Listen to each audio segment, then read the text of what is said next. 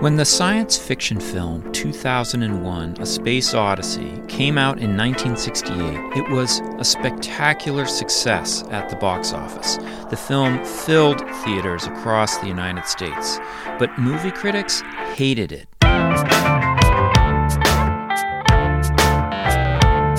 It's time to eat the dogs. I'm Michael Robinson. Today, Michael Benson talks about the making of 2001, a movie inspired by the collaboration of director Stanley Kubrick and the British futurist Arthur C. Clarke. Benson is a writer, artist, and filmmaker. He's also the author of Space Odyssey, Stanley Kubrick, Arthur C. Clarke, and the Making of a Masterpiece. Michael Benson, thank you for talking with me today. My pleasure. In 1964, uh, the American director Stanley Kubrick, who, who was already quite famous for films such as Lolita, Doctor Strangelove, he approaches the science writer, the novelist Arthur C. Clarke about making a science fiction film. I was wondering if you could tell us what what do science fiction films look like in the early 1960s?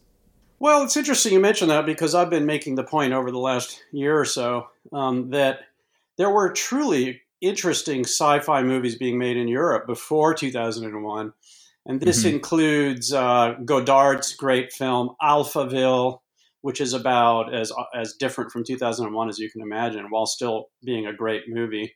Um, and then mm-hmm. uh, you know you've got La Jetée, Chris Marker's Photo Roman, which has only one motion picture shot in the entire feature length.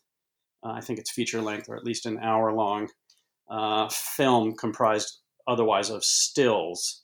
And those are both notable films in film history. So the sort of received wisdom that prior to 2001 there weren't any interesting science fiction movies or, or they were all filled with little green men and, uh-huh. and bad visual effects is not quite right.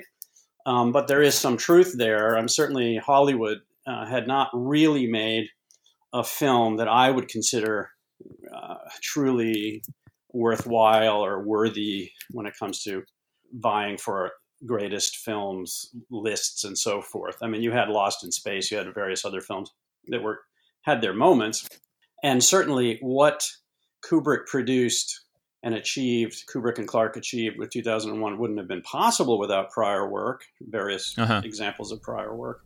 And in fact, in my book, I talk about a Russian film Cosmic Voyage, which uh, experimented with various visual effects techniques that, that Kubrick used later for 2001. So there, there are notable prior movies, that's for sure.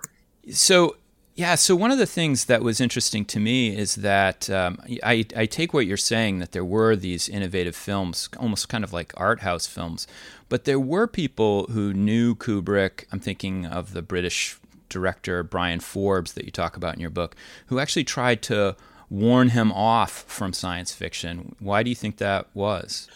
Well, I also quote uh, Christiane Kubrick uh, observing to me, and by the way, Christiane Kubrick, um, apart from being very forthcoming um, when it came to my uh, discussing 2001 and her husband with her, um, was a science fiction fan, as was Stanley as a kid. Mm-hmm.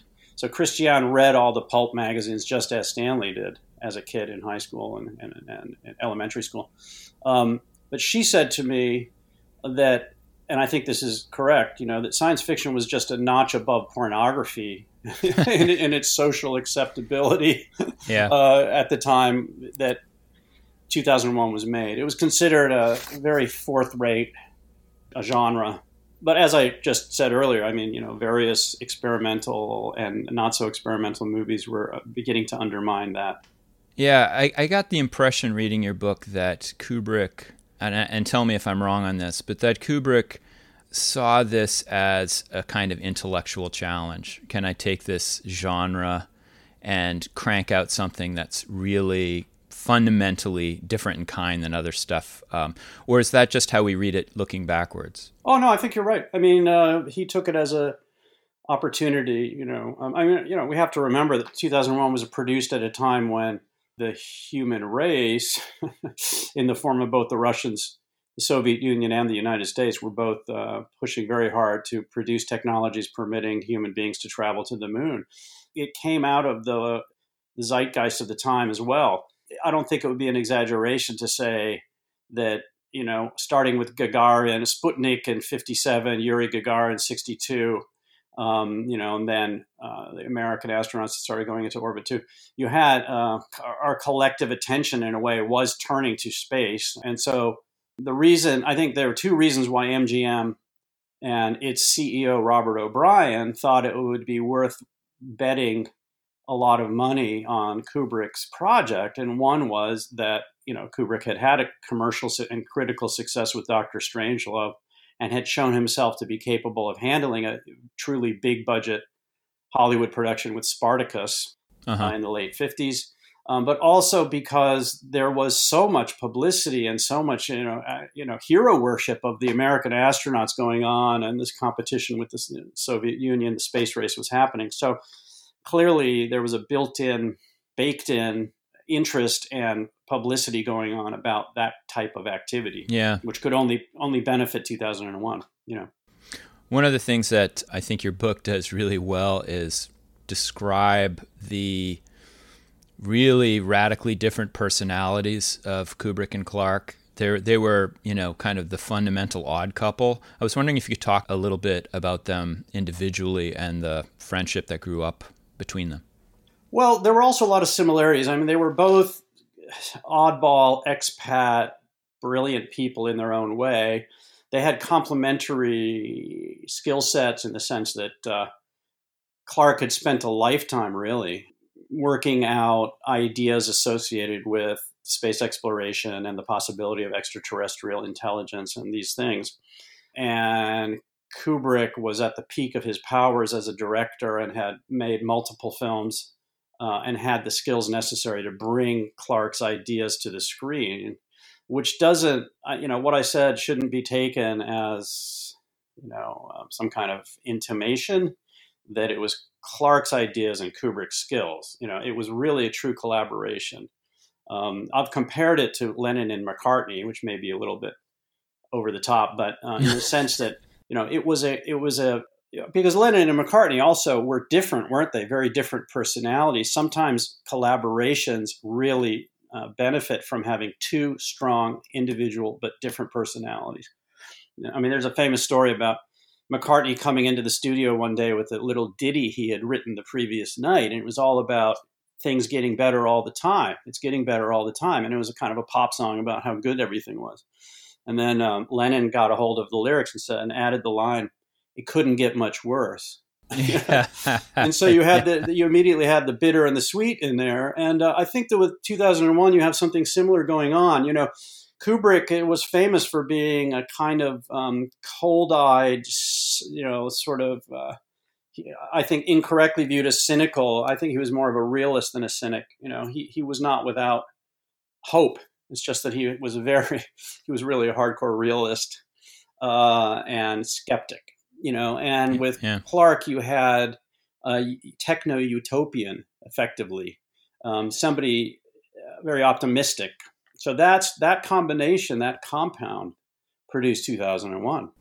Yeah, I, I was uh, really struck. There's a point in your book where you talk about how you know Clarke is, although this is a real collaboration, Clarke really is this massive idea generating machine. I mean, he's just. Um, he does so much work for the Interplanetary Society. He's writing op-eds, he's writing, you know, novels and and Kubrick meanwhile is writing things. I think you have an excerpt for him, you know, writing notes where he's saying, you know, it's a shame we couldn't just get rid of plots.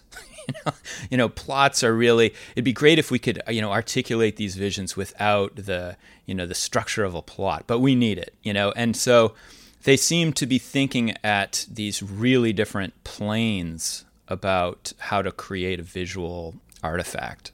Yeah, probably that's fair. I mean, by the way, that meditation about having a plotless narrative, which I guess is not an oxymoron, um, came out of a very interesting discussion with Joseph Heller that I stumbled on in the Kubrick archives in London. Oh, he had mm. quite a long discussion with Joseph Heller, and he, he talked about the plotless, you know, that film is such a powerful medium that that it is possible to hold an audience without necessarily having the you know classical plot structures to do it in. You know, and that that's a that's a kind of a victory.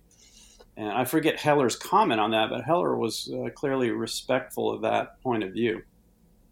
So, uh, speaking about plots, Kubrick eventually, I mean, after they kind of go back and forth, they decide that the kernel of the new film would be a story that Clarke had written previously called The Sentinel. I was wondering if you could talk about that story.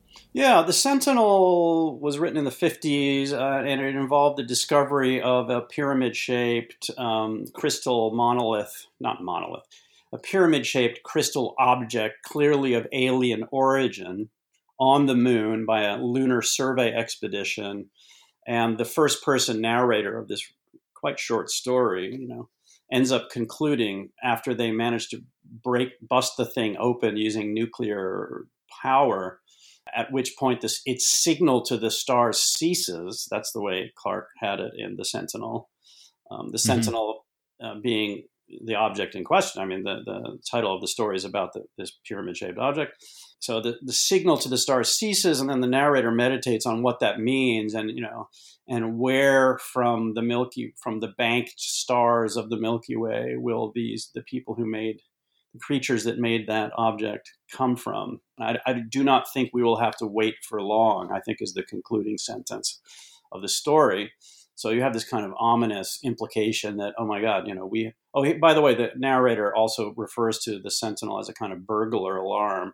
So the oh, core, oh. the core idea that an alien race might have put something on the moon intended to warn that race uh, as to uh, whether or not a species may have arisen on Earth that succeeded in acquiring, you know, rising to a level of technological sophistication permitting them to to go to the moon. Uh, that core idea is at the core of 2001, and, and the monolith descended from that pyramid. Yeah. 2001's monolith, mysterious monolith, descended from that. The pyramid shaped or a trapezoid, trapezoidal, no, tetrahedral uh, yeah. object in uh, in the Sentinel.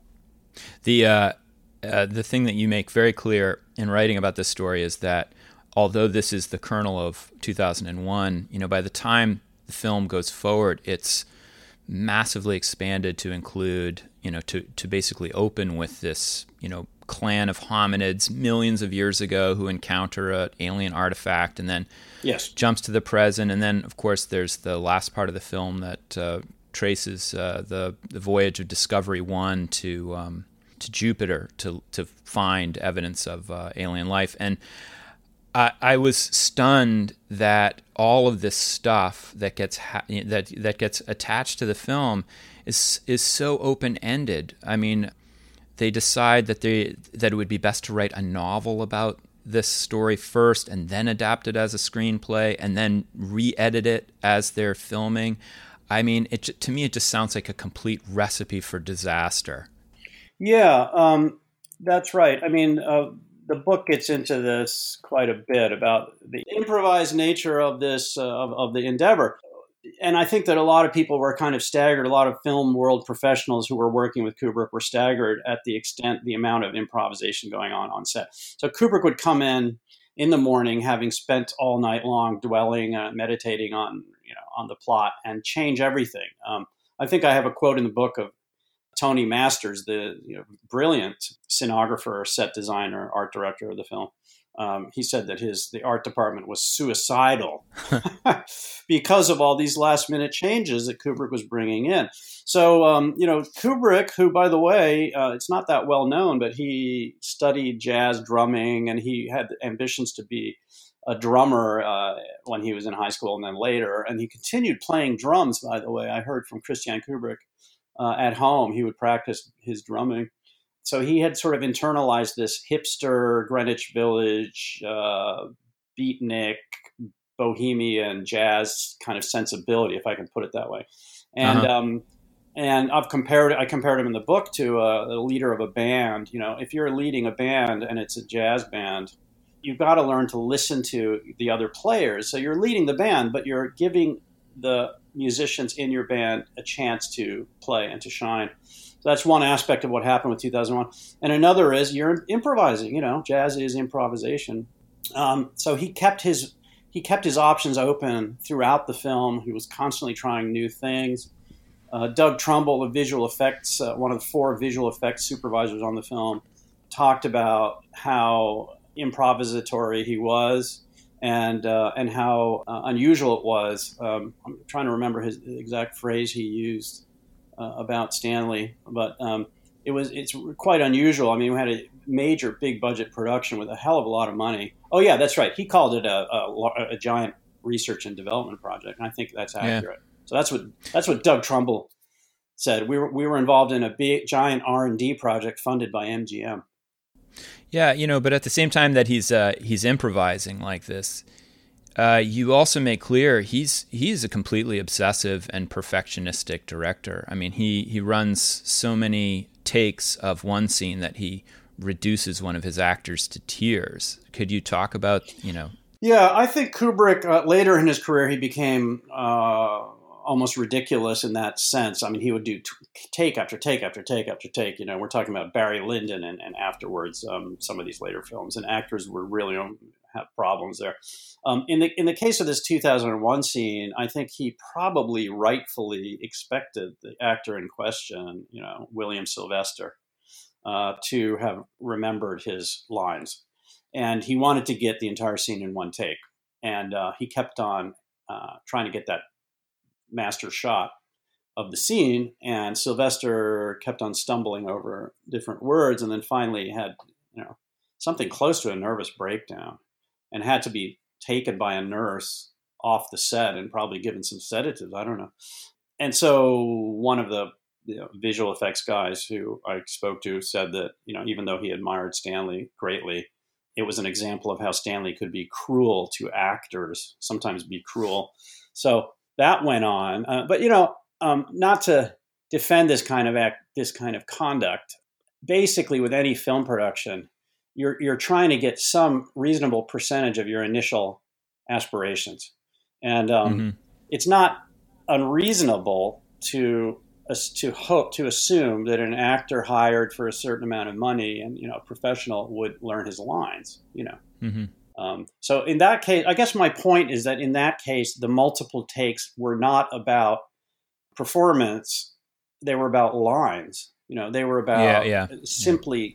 delivering the text correctly. You know, the uh, film, as it emerges, combines things that have never been seen before: spectacular special effects, uh, this incredible interior view of uh, Discovery One could you talk about some of the innovations of the film? Well, you know, there were so many. Prior to 2001, you didn't have realistic depictions of spaceflight. Not really. I mean, I did mention that Russian movie. Uh, you know, there were there were interesting experimental movies out there, but um, that attention to detail and obsessiveness that you mentioned about Kubrick um, really was policing the realism in a significant way. And the intention was that the audience uh, willingly suspend disbelief so that so that in the end the metaphysical elements at the end would that, that the way would have been paved to engender if that's the term audience uh-huh. belief you know so that the, the audience would have been lulled into belief that this was a real mission to a real planet and there's something about uh, that the achievement of 2001 or, or let me put it another way one aspect of the achievement of 2001 is you know for example when uh, David Bowman, the commander of the mission, is deprogramming the HAL 9000 computer, and HAL is pleading for his life.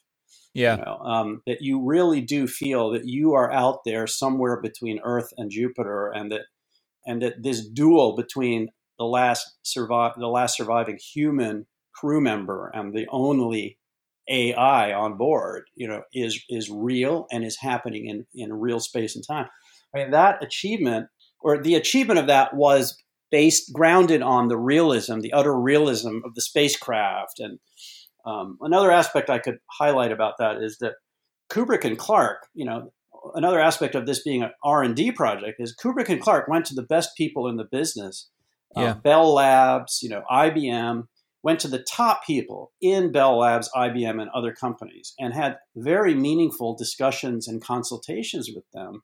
And, and we're talking about people who really were busy creating the future, brilliant people who were producing transistors and satellites, you know, um, things that we are absolutely reliant on today solid state electronics, uh, flat screens, you know, um, yeah.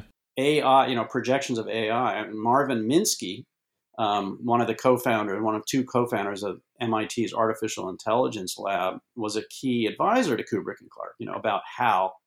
So you did have this commitment to realism, which I think is absolutely unprecedented and hasn't, you know, hasn't uh, been matched since.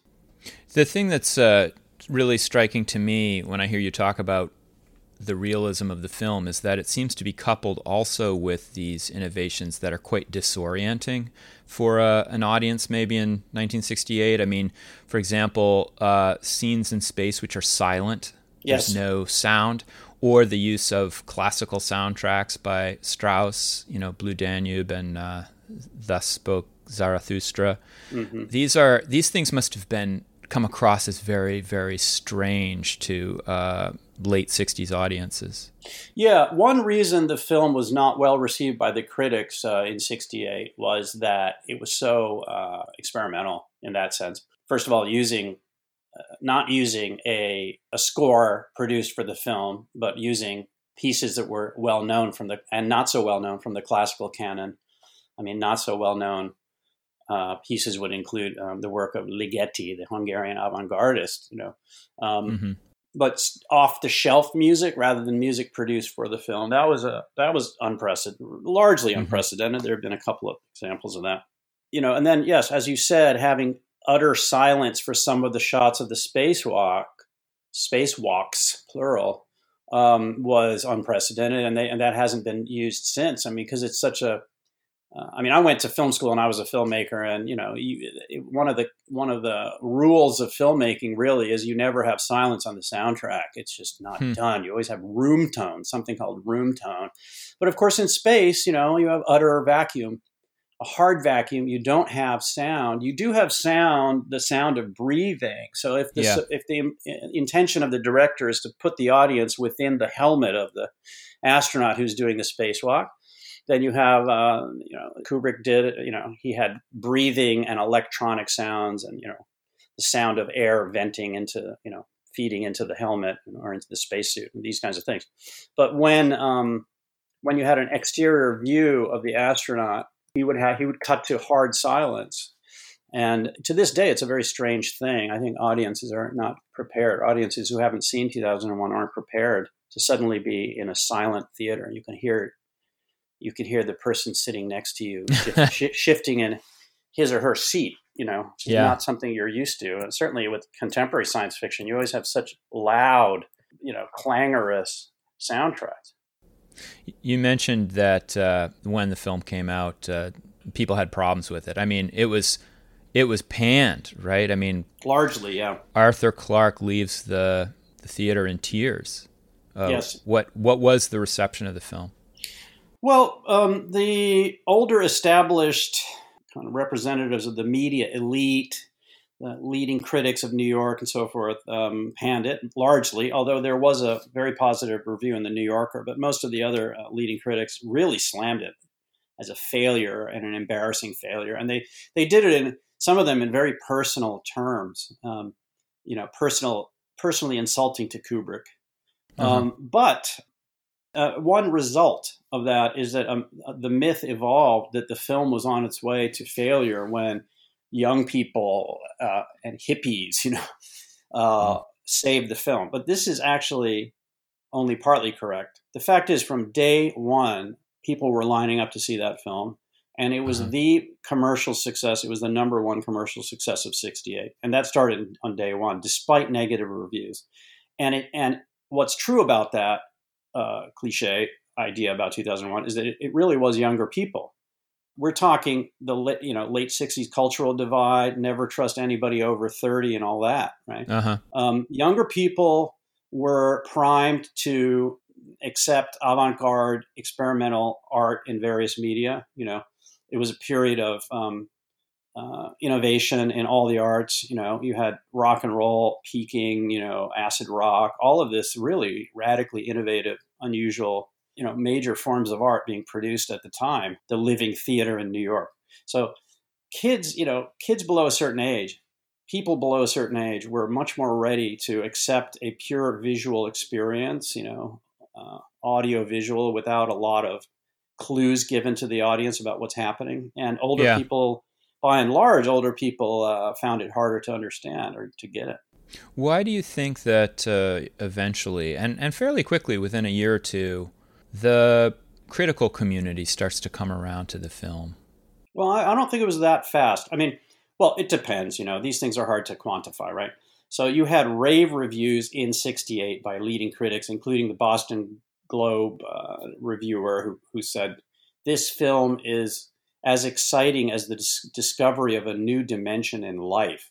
You know, we're talking utter raves. Um, but those, the kind of the the the key players, especially in the New York City uh, critical community, continue to diss the film. Some of them came around. Um, some of them came around, but um, it took a while for the collective consensus to start placing 2001 among the top films ever made. It took decades, you know, um, and it only appeared the the leading uh, the leading compendium of such uh, such things as the is Sight and Sound magazine, the British Film Indi- um, British Film Institute's magazine, Sight and Sound, does a, an annual, excuse me, a decadal survey. Every ten years, uh-huh. they do a survey of top film world professionals and top directors. And it took until uh, the late 90s for it to start appearing in the critical uh, list, critics list, and it took until the 2000s for it to appear in the directors list. But it's currently number two on the directors list. Wow. Second most important film of all time, you know. so uh, it, it was a climb. So now, 50 years later, what where do you see the influence of the film? You know, what aspects of the film continue to live on today? Well, I see it all over the place. I see it in design. I see references to HAL 9000 all the time because of the contemporary debate about uh, artificial intelligence. Um, I see it, and you certainly see it. Let me just, I should have said this first. You know, 2001 marked the end of the Western as the ruling paradigmatic Hollywood genre and, and, the rise of science fiction as the ruling. So every sci-fi spectacle that comes out every summer owes its uh, existence to the success, the commercial success of 2001 and 68. 2001 caused a new generation of directors, you know, Spielberg, Lucas, Ridley Scott, you know, to to be inspired and to seek to either emulate or surpass anyway, to make space films, you know, science fiction films, um, it proved that um, it could be done and be successful, um, and it changed Hollywood. You know. So you're you're a film producer, you're, and you're a writer on space exploration. You've curated exhibitions on planetary photography and deep space at the Smithsonian. How has uh, 2001 influenced you, or or I guess you could put it the other way around? How has your work shaped what you think of the film? Well, let me answer the first one. I mean, you know, I tend 2001 covers 4 million years of evolution and places the human race in this vast space-time context, you know.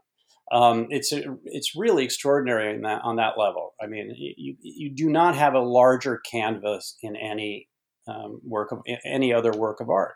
I would say, um, and so that definitely influenced me for a lifetime. I mean, the works that I'm producing, you know, I'm writing books, I'm, I'm making visual art and so forth. And I, have I've done documentary films.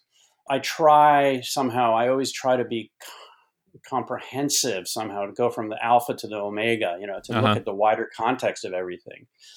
Um, so I've been influenced in that way. But I, I also, I wasn't only curating planetary images, but I'm also producing them from raw data from interplanetary spacecraft. Uh-huh. So I take raw data, raw image data from interplanetary missions, and and I do a lot of work, production work on it, post production, to produce uh, large format color landscape photographs of of vistas that have not been seen by the human eye, huh. only by robotic spacecraft. I wouldn't be doing that if I hadn't had the conviction from an early age that um, that the space exploration is not some just a scientific endeavor or some geeky, nerdy thing that's done by you know space geeks, scientists, so on. But it, it belongs to the arts. It belongs rightfully to the arts, to philosophy. You know, it belongs to our ongoing the ongoing story of our quest to understand our position in the universe, which yeah. is a fascinating thing to me. You know, so um, I saw 2001 for the first time in 68 when I was six years old. My mom took me to see it, you know, and it really blew me away. The way you can be blown away by a work of art, the right work of art, when you're quite young. And I saw it many times since then, of course. And um, it really did change, you know, not to sound cliched or anything, but it really changed the way it's not that hard to change the way somebody looks at, at life at age six, I suppose um, but it certainly did it in a, in a, profoundly meaningful way to me, for me, you know. You know, um, when I think about that vision of um, finding extraterrestrial life, you know, Dave Bowman's trip on Discovery One, it seems like today our best hope for these discoveries is not coming, let's say, from either humans traveling into space or even maybe long distance photography, but from you know some of the work that's being done, for example, on exoplanets and these uh, different telescopes that can now you know see literally see planets and other solar systems. I was wondering if you thought at all about just like how might the next story of uh, the search for life be told? Is it going to be a visual story, or is it is it going to have to be something else? Well, it's a really good question. Um, you could have an entire program based on that. Um, you know, uh, it's really hard to say. You know, I I think that it's quite possible that we might even discover life within the solar system that developed separately from Earth. So, for example, I've been fascinated by a, a moon orbiting Jupiter for hmm. years, uh, Europa, which is an ice-capped global ocean, saltwater, liquid saltwater ocean um, seven to eight times more salt water than all the oceans of Earth combined orbiting Jupiter. So, all indications are that um, that water has been in existence and liquid for more than enough time for life to have developed there. And it's sufficiently far away that if life developed there, it's highly unlikely that it would have you know, originated on Earth and then been transported there or something yeah. like that. So it's a, it's a fascinating question. And then when it comes to you know terrestrial planet finding missions and so forth that NASA's launching, um, that's a really fascinating story. Also, we have discovered you know hundreds and hundreds and hundreds and hundreds of potentially Earth-sized planets out there. Um, some of them not that far. Uh, of course, they're all far away because they're orbiting other stars. But some of those stars are a lot nearer they're near enough so it's imaginable that within a century or two centuries, if we don't destroy this planet first and destroy human civilization first, we might succeed in sending a mission there or, or developing technologies capable of looking more closely at, at those planets. So yeah. um, it's a very interesting question. Yeah. So, well, by the way, that is another continuing reason for for 2001's relevance. We don't know. You know, there's this great mystery: are we alone or not? Yeah. Michael Benson, thank you so much for talking with me. Well, thanks. It was a pleasure. That's it for today. The music was composed by Zabrat Make sure you check out the Time to Eat the Dog's website for podcast links and other exploration related stuff. And if you get the chance, please take a minute to rate and review the show wherever you get your podcasts. It really helps make the show visible to new listeners. And if you want to recommend a guest or make a comment, feel free to contact me at time to eat the dogs, that's one word, lowercase, at gmail.com. See you next week.